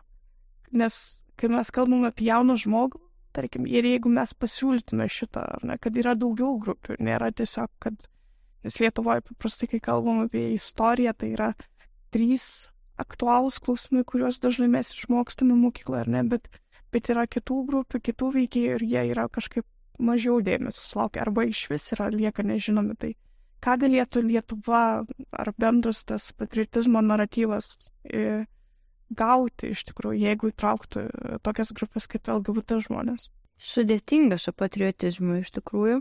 Kažkaip labai dažnai norisi jį priskirti dešiniai, gal net kartais tą tokį peraugantį jau patriotizmą net ir radikalią dešinį, labai nacionalistinės vertybės. Ir atrodo iš pirmo žvilgsnio, kad tai gali netgi būti nesuderinama, tarytum, nes tie, kurie kalba apie žmogaus teisės, apie didesnį įtraukimą, uh, jie mažiau kalba apie valstybę, tai aš apie tokį nacionalistinę labai Lietuvą, ten kaip pasakiau, šūkių, kokių tik nebūna. um, tą tokį požiūrį. Tai man atrodo, toks įtraukimas būtų labai svarbus ir kuo greičiau mes tai padarysim, tuo skirtingesnė, tuo įvairesnė visuomenė mes turėsim ir tuo stipresnė, net nebejoju, kad tikrai stipresnė valstybė mes turėsim. Ir netgi tas pats Rusijos karas pradėtas Ukrainai parodė, kad LGBT bendruomenė gina savo tėvynę. Ir manau, kad truputį pakeitė dalies irgi gyventojų Lietuvoje įsitikinimus ir požiūrį dėl to, kad visi mes esame žmonės, visiškai nesvarbu, kas ką a, myli. Tiesiog esam tos valstybės gyventojai ir esam pasiruošę ją ginti. Tai, tai tiesiog manau, kad tokie gerieji pavyzdžiai, jie kreipia, kreipia ir formuoja teisingesnė linkme gyventojų mąstymą. O su to patriotiškumu iš tikrųjų yra gana sudėtinga, nes dar visai neseniai mes Lietuvoje tai neturim, net ne, nemanau, kad turim jokių tyrimų aprašančių Lietuvos LGBT bendruomenės patirtį kariuomenėje. Aš tikrai manau, kad, nu, net nemanau, tikrai yra LGBT bendruomenės narių Lietuvos kariuomenėje, bet mes apie juos nežinom. Niekas apie tai nekalba. Kodėl, nežinau, gal metas pradėti pajudinti, gal pasidomėti, pažiūrėti, kaip jie jaučiasi tokioje aplinkoje galų gale. Um, Amerikoje, Junktinėse Amerikos valstijose jau yra pradedama daryti tyrimų ir pradedama daryti tokių, um, na, tiesiog stebint, įsijaučianti bendruomenę ir paaiškėjo, kad sudėtinga yra būti tokioje aplinkoje, bijoti išreikšti save, pasakyti, kas tu esi ir, ir nuo to formuojasi irgi dalis traumų, psichologinių, emocinių. Tai mes uh, tikrai dar turim padirbėti su mikroklimatu, ne tik kariuomenė, bet apskritai na, pilietiškumas, nacionalumas. Tai yra mes patys, mes piliečiai, nebūtinai kariuomenė, kai gali būti ir tiesiog pagalba gatvėje, nežinau, eilinis tiesiog žmogiškumas irgi gali būti suvokiamas kaip patriotiškumas, kaip, kaip bendro gėrio, bendros visuomenės interesų gyvendinimas ir siekis visų gerovės. Tai, tai yra ką veikti, yra ką veikti ir man labai gaila, sakau, kad mes net neturime, mes net nežinom, kaip, kaip LGBT bendruomenė jaučiasi, kaip mes patys nežinom, dėl to, kad niekas nenori judinti, nenori paklausti. Tai labai, labai gaila dėl to. Tu iš tikrųjų palėtėjai labai svarbu aspektą, nes mes ruoždamėsi šitam podcast'ui iš tikrųjų norėjome pakalbinti LGBT asmenį, kuris tarnavo kariuomenė arba yra studijavęs Lietuvos karo akademiją ir mums nepavyko rasti, nes tikrai žmonės nedrįsta apie tai kalbėti. Va. Čia yra toks vis dar sudėtingas klausimas. Ir tu palėtėjai tą svarbų bendro gėrio, gėrio aspektą, Tai vat, įdomu, nes Lietuvoje yra dar vienas, dar vienas svarbus aspektas, tai yra tai, kad labai dažnai tos skirtingos grupės, kurios susiduria su skirtingais iššūkiais, jos žvelgia į vieną kitą kaip konkurentės dėl, dėl dėmesio, o ne kaip į kažkokį ally, o ne kaip galėtų bendradarbiauti ir prisidėti. Ir Lietuvoje prisimenu vieną. Um, čia nereikia tikriausiai tų senų pavyzdžių ieškoti, bet na, man iš tikrųjų labai kažkaip įstrigo tie patys protestai dėl smurto prieš vaikus. Nu, atrodo, kad iš tikrųjų jaunimas turėtų pats pirmas eiti ir palaikyti. Ir kažkaip mažai dėmesio, va šitie klausimai sulaukia tarp jaunų žmonių. Ir tada viskas pranyksta tame tokiame tėvų e, balse. Ir tuo pačiu yra tokių grupių, kurios, e, nes kurios atrodo lik ir turėtų būti kartu, tai tarkim moksleiviai, LGBT ar ne, ir mokytojai, nes jie, jie visada kartu yra ir susigyvena toje pačioje terpėje. Bet to palaikymo trūksta, jau nekalbant apie, tarkim, faktą, kad e, kažkokį ar ne darbuotojų grupiai streikuojant, e, tai visuomenė irgi kažkaip pamiršta, kad yra daugiau faktorių. Tai kodėl kodėl tos grupės skirtingos iš tikrųjų mažai rodo viena, kitas, viena kitai solidarumu. Sako, Lietuvoje visas problemas galima suvesti į sovietinę okupaciją. Kai tu sudarytum, gali rasti paaiškinimą, kad žmonės buvo uh, ribojami, kovojantis tik už save, ten visokie skundai, ko tik tais nebuvo. Tai tarytum, manau, galima istoriškai, kultūriškai tikrai atrasti sąsajų. Ir, ir tą tokį skaldimą galų gale mes tuo metu turėjom daug profsąjungų kur ten aš atsimenu, kur žmonės kiek yra pasakoję, ten ateidavo, net šaldytuvą duodavo. Nu, toks yra labai asmeninis interesas, nebelieka tos tokio kolektyvinio bendrumo jausmo. Tarytum jis yra kažkur toks, nu, kaip netikras, kaip, kaip zuikis, ten, žinot, būna netikras. Uh, nežinau, ten būna zuikis, tas tikras, tikras kuris laksta pievų ir būna nu, tas netikras ant stalo padėtas. Tai va irgi atrodo kažkaip gal čia panašus, tą turiu, aš nežinau, kažkaip labai keista metafora.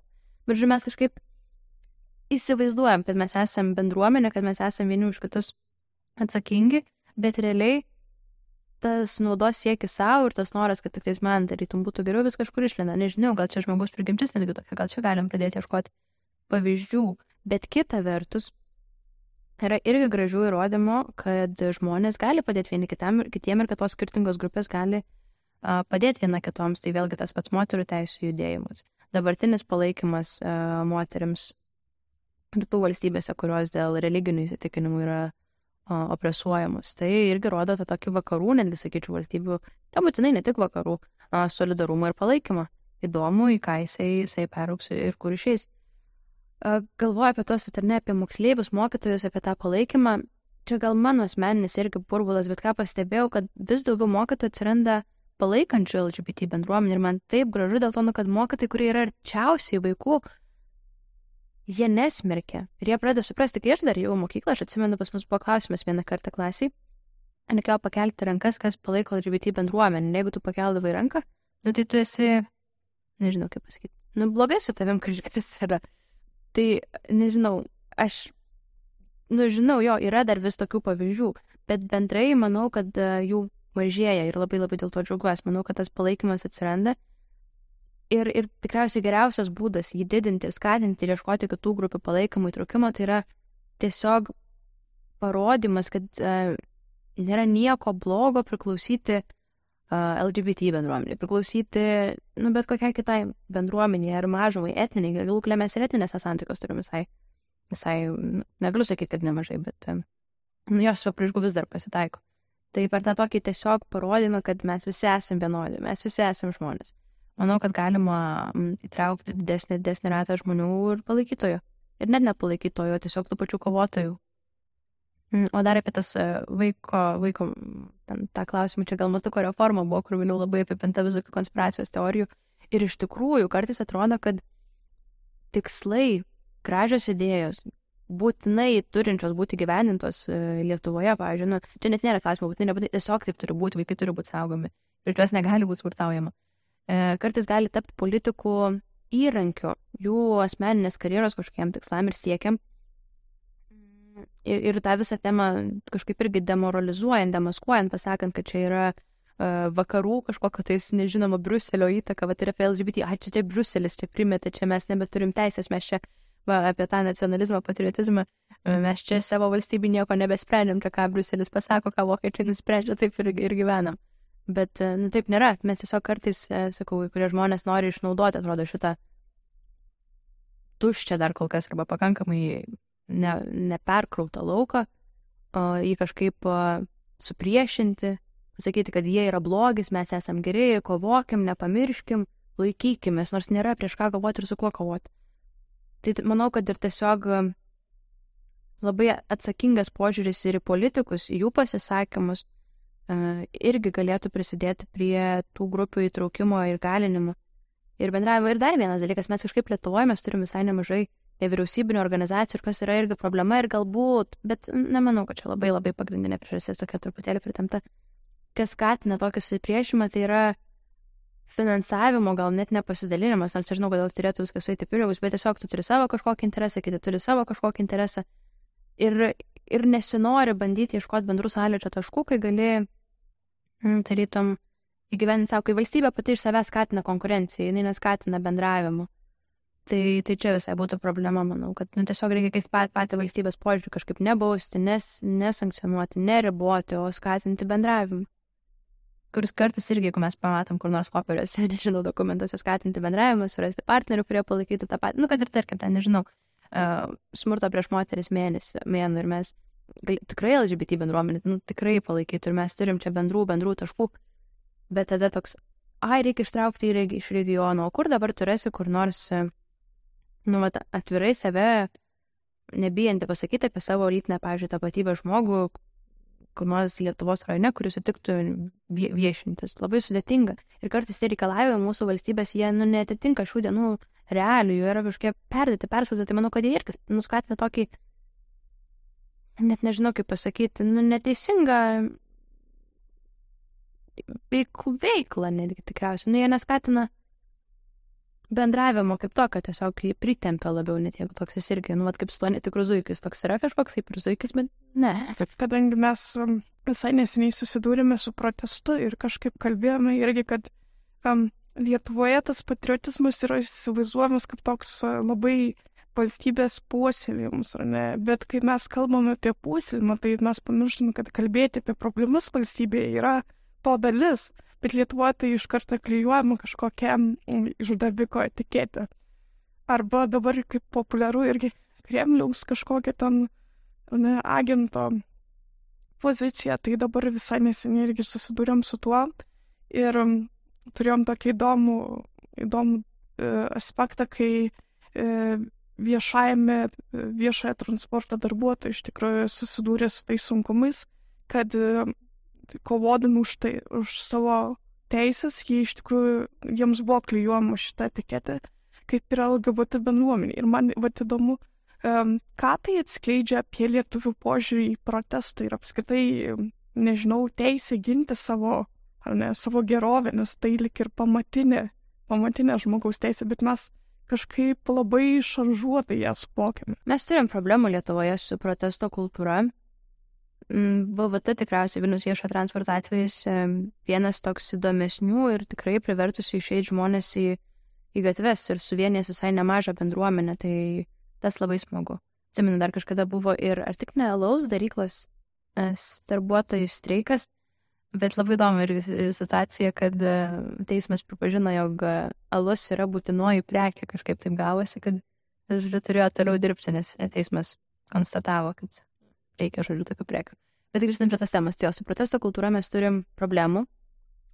Ką įdomi visai tyrimai rodo, tai kad žmonės linkę būtų eiti protestuoti, jeigu tai asmeniškai liečia tave arba tavo artimą šeimos narį, arba jeigu tai yra susijęs su tavo ekonominė padėtim. Nu, pavyzdžiui, dėl elektros kainų, dėl infliacijos, dėl kylančių maisto kainų, žmonės tarytum išeitų ir yra pasiryžę išeiti į gatves ir protestuoti. Bet jeigu mes kalbam apie žmonių įgalinimą, apie didesnį teisų suteikimą, mm, niekam nebeįdomu. Iš esmės tavęs asmeniškai nelabai jeigu liečia, tai tegul ten eina kažkas, tegul kažką daro, ne mano reikalas. Tai mes turim tokį atsiribojimą. Vėlgi, kaip ir sakiau anksčiau, mes visur galim rasti vietinės okupacijos kaip e, paaiškinimą, kodėl tai vyksta. Na, ta protestas buvo irgi toks fikcinis kažkoks, na, e, pasakė, tai išėjai į gatvę, bet realiai, kad ten protestuotum, kad galėtum pasakyti savo nuomonę, tai negalėjo to būti. Viena iš tokių priežasčių. Kita irgi yra tas e, užsidarimas savo kažkokiam burbulė laukia. Ir, ir sakau, kol tavęs ekonomiškai nepaliečia, kol tu pats turi už ką duonos nusipirkti, tai išeiti į gatvę protestuoti nelabai ir matai, matai tikslą. Net ir dabar su VVT, aišku, dauguma aš įsivaizduoju, kad vis tiek labiau palaikė vairuotojus, bet buvo ir tokių, kur sakė, man šalta, atvažiuokit greičiau, man nesvarbu, čia vairuotojai, viskas eikit ir dirbkit, nu, man nepatogu, man nepatogu, matai kažkaip grįžtant čia šiek tiek prie to patriotizmo, kažkokio naratyvo kūrimo. Ar tu matai Lietuvoje kažkokių pokyčių, kad yra kūrimas kažkoks labiau inklusiv patriotizmo paveikslas? Na, bet kaip tu minėjai, ar ne, kad labai Ukrainos karas pakeitė paveikslą iš tikrųjų. Ir buvo čia karo pradžioje iš tikrųjų irgi tokių klausimų, kad ir Lietuvoje komentarų, ar Liet ar Ukrainos LGBT bendruomenė įsiginti savo valstybę, ar Lietuvos LGBT bendruomenė aukoja pinigus Ukrainai ir panašiai. Tai čia buvo toks lik ir matomas konfliktas tarp buvimo savo šalies piliečiai ir buvimo LGBT dabar kažkaip keičiasi, kaip tai ir minėjai.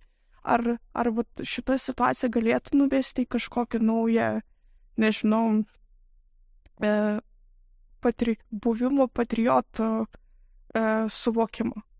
galėtų. tai kažkaip galvoju, um, ar mes truputėlį nepraleidom gal netgi progos išnaudoti tą ukrainiečių LGBT bendruomenės įsitraukimą į karą, parodant, kad e, mes esame tokie pat ir jeigu ar net ta žmonių grupė, kuri dažniausiai ir smerkia LGBT bendruomenę, uh, kurie yra dažniausiai svarbu tas Lietuvos sienos, uh, labai aiški struktūra, kad jeigu jinai, na, pamatytų, manau, kad tai irgi galėtų, galėjo būti labiau išreikšti, labiau prisidėti prie to požiūrio keitimo. Aišku, galbūt nelabai lengva kiekvieną tą, tą žmogų pasiekti. Ar tas labiau įtraukus paveikslas Lietuvos e, kūrėsi? Manau, kad kūrėsi. Net jeigu ir ne mes turėjom pirmuosius uh, paradus prieš, nežinau, gal 10-15 metų, kada ten jie buvo uh, apstatytus tvorom, su daug policijos, su didelė palyda, su baime, su nerimu. Tai aš tokį, nu, va, atrodo, gal bent jau panašų, nes negaliu lyginti, jausmą išgyvenau šeimų maršas, kai vyko ar ne praėjusią vasarą, kad tuo pačiu įvyko ir, ir LGBT renginys ir kažkaip buvo tarytum truputį nedrasu net nueiti, nes tu nežinai, ko gali tikėtis iš, iš tų žmonių, kurie nu atėjo smerkti, kažkaip atrodo grinai tokiu tikslu. Tai toks vėl atsirado nedrasumo kažkoks jausmas, tai labai keista patirtis buvo. Tai atrodo, mes kartais žengiam du žingsnius į priekį, tris žingsnius į priekį, bet tada, o, kažkas atsiranda, kas tarytum nuneša vėl atgal, kažkaip bando vėl gražinti visuomenį ir, ir gana radikaliai. Tai yra dar ką veikti šitoje srityje ir tikriausiai ilgą laiką dar bus.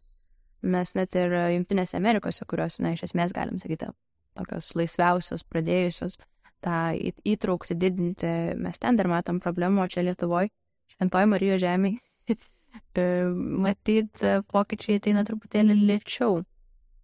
Tai, tai bus ką veikti ir, ir labai tikiuosi, kad tiesiog per santykių, per ryšį mes galėsim tai pakeisti. Lietuvoje, kai kalbame apie LGBT teisės ir kai galimybės jas pagerinti kažkaip, e, iš tikrųjų pasiekti kažkokį lūžį tame e, dialogė, pavadinkime, dažniausiai yra grėbimusi kartais tokio irgi paskutinio šiaudo, tai ekonominiai klausimai, tai tiesiog yra kalbama apie tai, kad LGBT bendruomenė vis tiek yra mokesčių mokėtojai, jeigu jie jų netenkins gyvenimo sąlygos, ne, ta visa e, aplinka, socialinė, e, emocinė, tai jie emigruos. Ir tada mes tiesiog prarandame savo mokesčių mokėtojus, mes prarandame savo pensijas, savo jaunimo potencialą, inovacijas ir visą kitą. Man įdomu, gal tu esi susidūrus su kažkokiu tyrimu Lietuvoje, kuris plačiau apšviečia šitas problemą.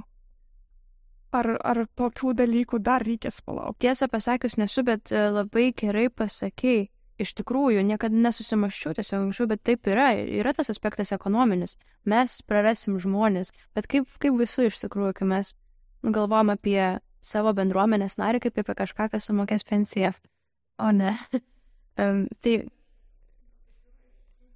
Taip pasidomėsiu, dabar net tikrai dabar pasidarę pasižiūrėsiu, nes tikrai yra tokių pasisakymų ir, ir kas įdomiausia, nu, pavyzdžiui, net atrodo, gal ir Seime kas nors yra pasisakęs, nes kažkur tarytum užsi, užsi, fiksavę galvoje, kad žmonės nesijaučia blogai, taip sakydami, nu net nemato tame problemos, nes, nu, tarytum, taip, taip turi būti, tai čia normalus, čia žinau, kažkaip toks, tarytum, aš vat palaikau LGBT ir sakau, kad, va, matot, išeis iš Lietuvos, bet čia ne apie tai yra įtraukumas ir buvimas visos bendruomenės, visos valstybės gyventojų bendrai buvimas, buvimas toje pačioje valstybėje.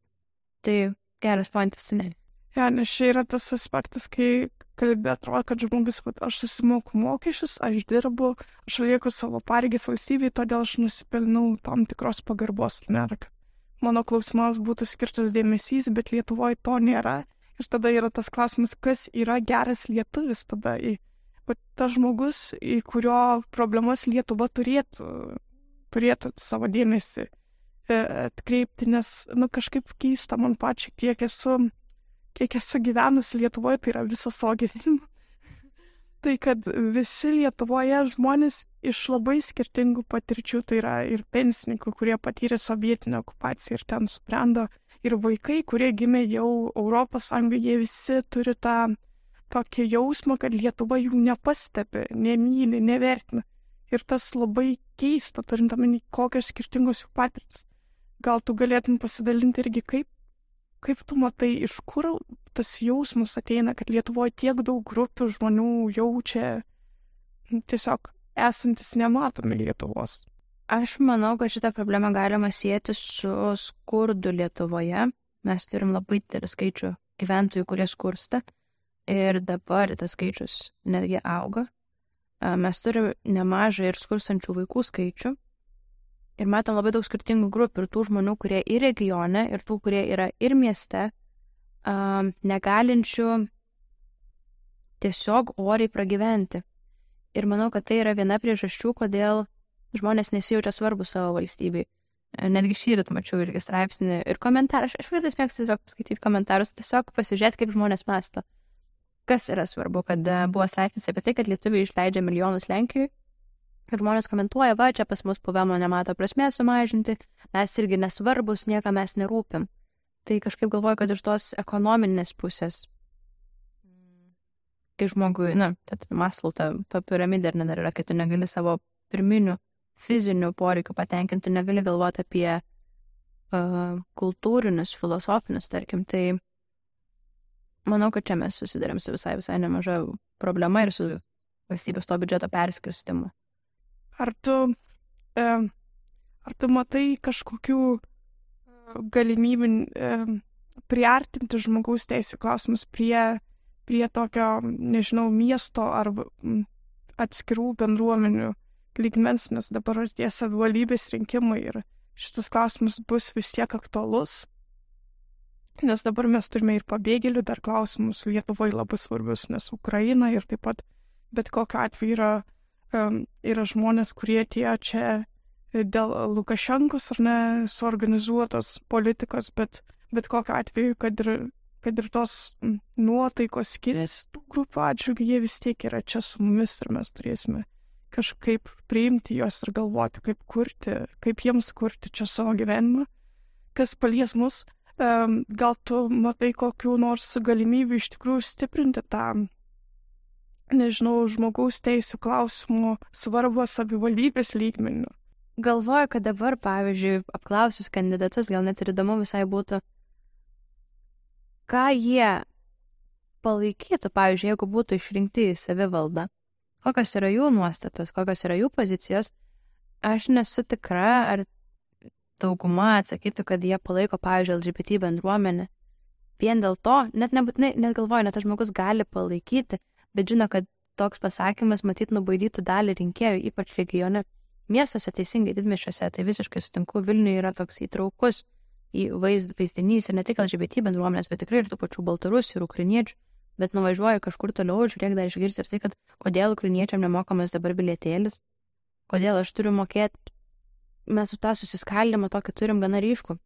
Ir, ir kandidatė, manau, tikrai gali būti, kas yra labai nesažininga, tiesiog net ir turint kitokias preferencijas, gali būti tiesiog skaičiuojantis balsus nelogiška palaikyti. Nu, nežinau, labai ciniškai skamba, bet bet, bet taip tikriausiai yra. Tai būtų labai įdomu apklausti, galėtų, nežinau, gal net, uh, žinau, ką renku, padaryti tokią apklausą visų kandidatų, surašyti, kas ką sužinoti, kas ką palaiko, kokios yra nuostatos.